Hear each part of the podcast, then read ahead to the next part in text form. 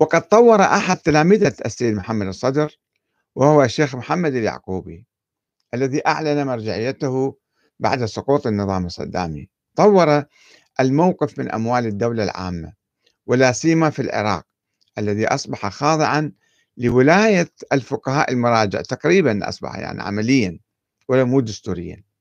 فقال اليعقوبي وكل من المراجع اشتركوا بالدولة يعني هو الشيخ اليعقوبي عنده وزراء بالدولة أيضا على رأس حزب الفضيلة.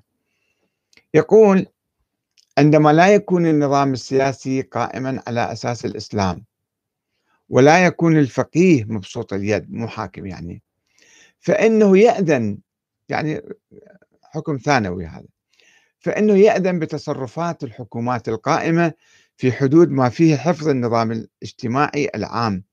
وعدم مخالفتها للشريعة. فتكون تلك الحكومات بمثابة الوكيل عنه في هذه التصرفات.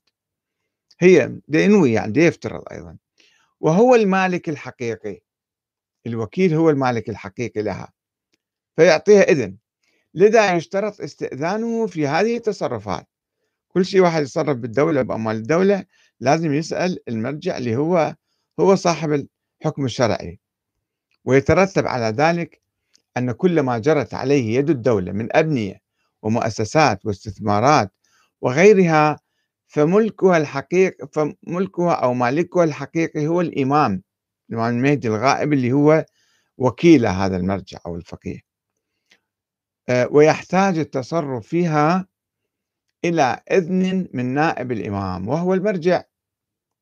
وليست هي من مجهولة المالك يعني هو تقريبا شال المجهول قال لا هي ملك في الدولة اللي تخضع للعالم وللفقيه بعد ما تصير مجهولة المالك أو من المباحات العامة التي تملك بالحيازة ووضع اليد. يعني رفض ذلك إلا من خلال آه، المرجع الفقيه اللي هو الشيخ اليعقوبي أيضا مثلا.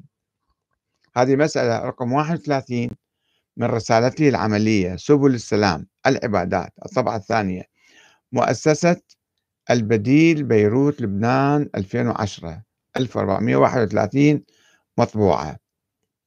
وقد نقلنا لكم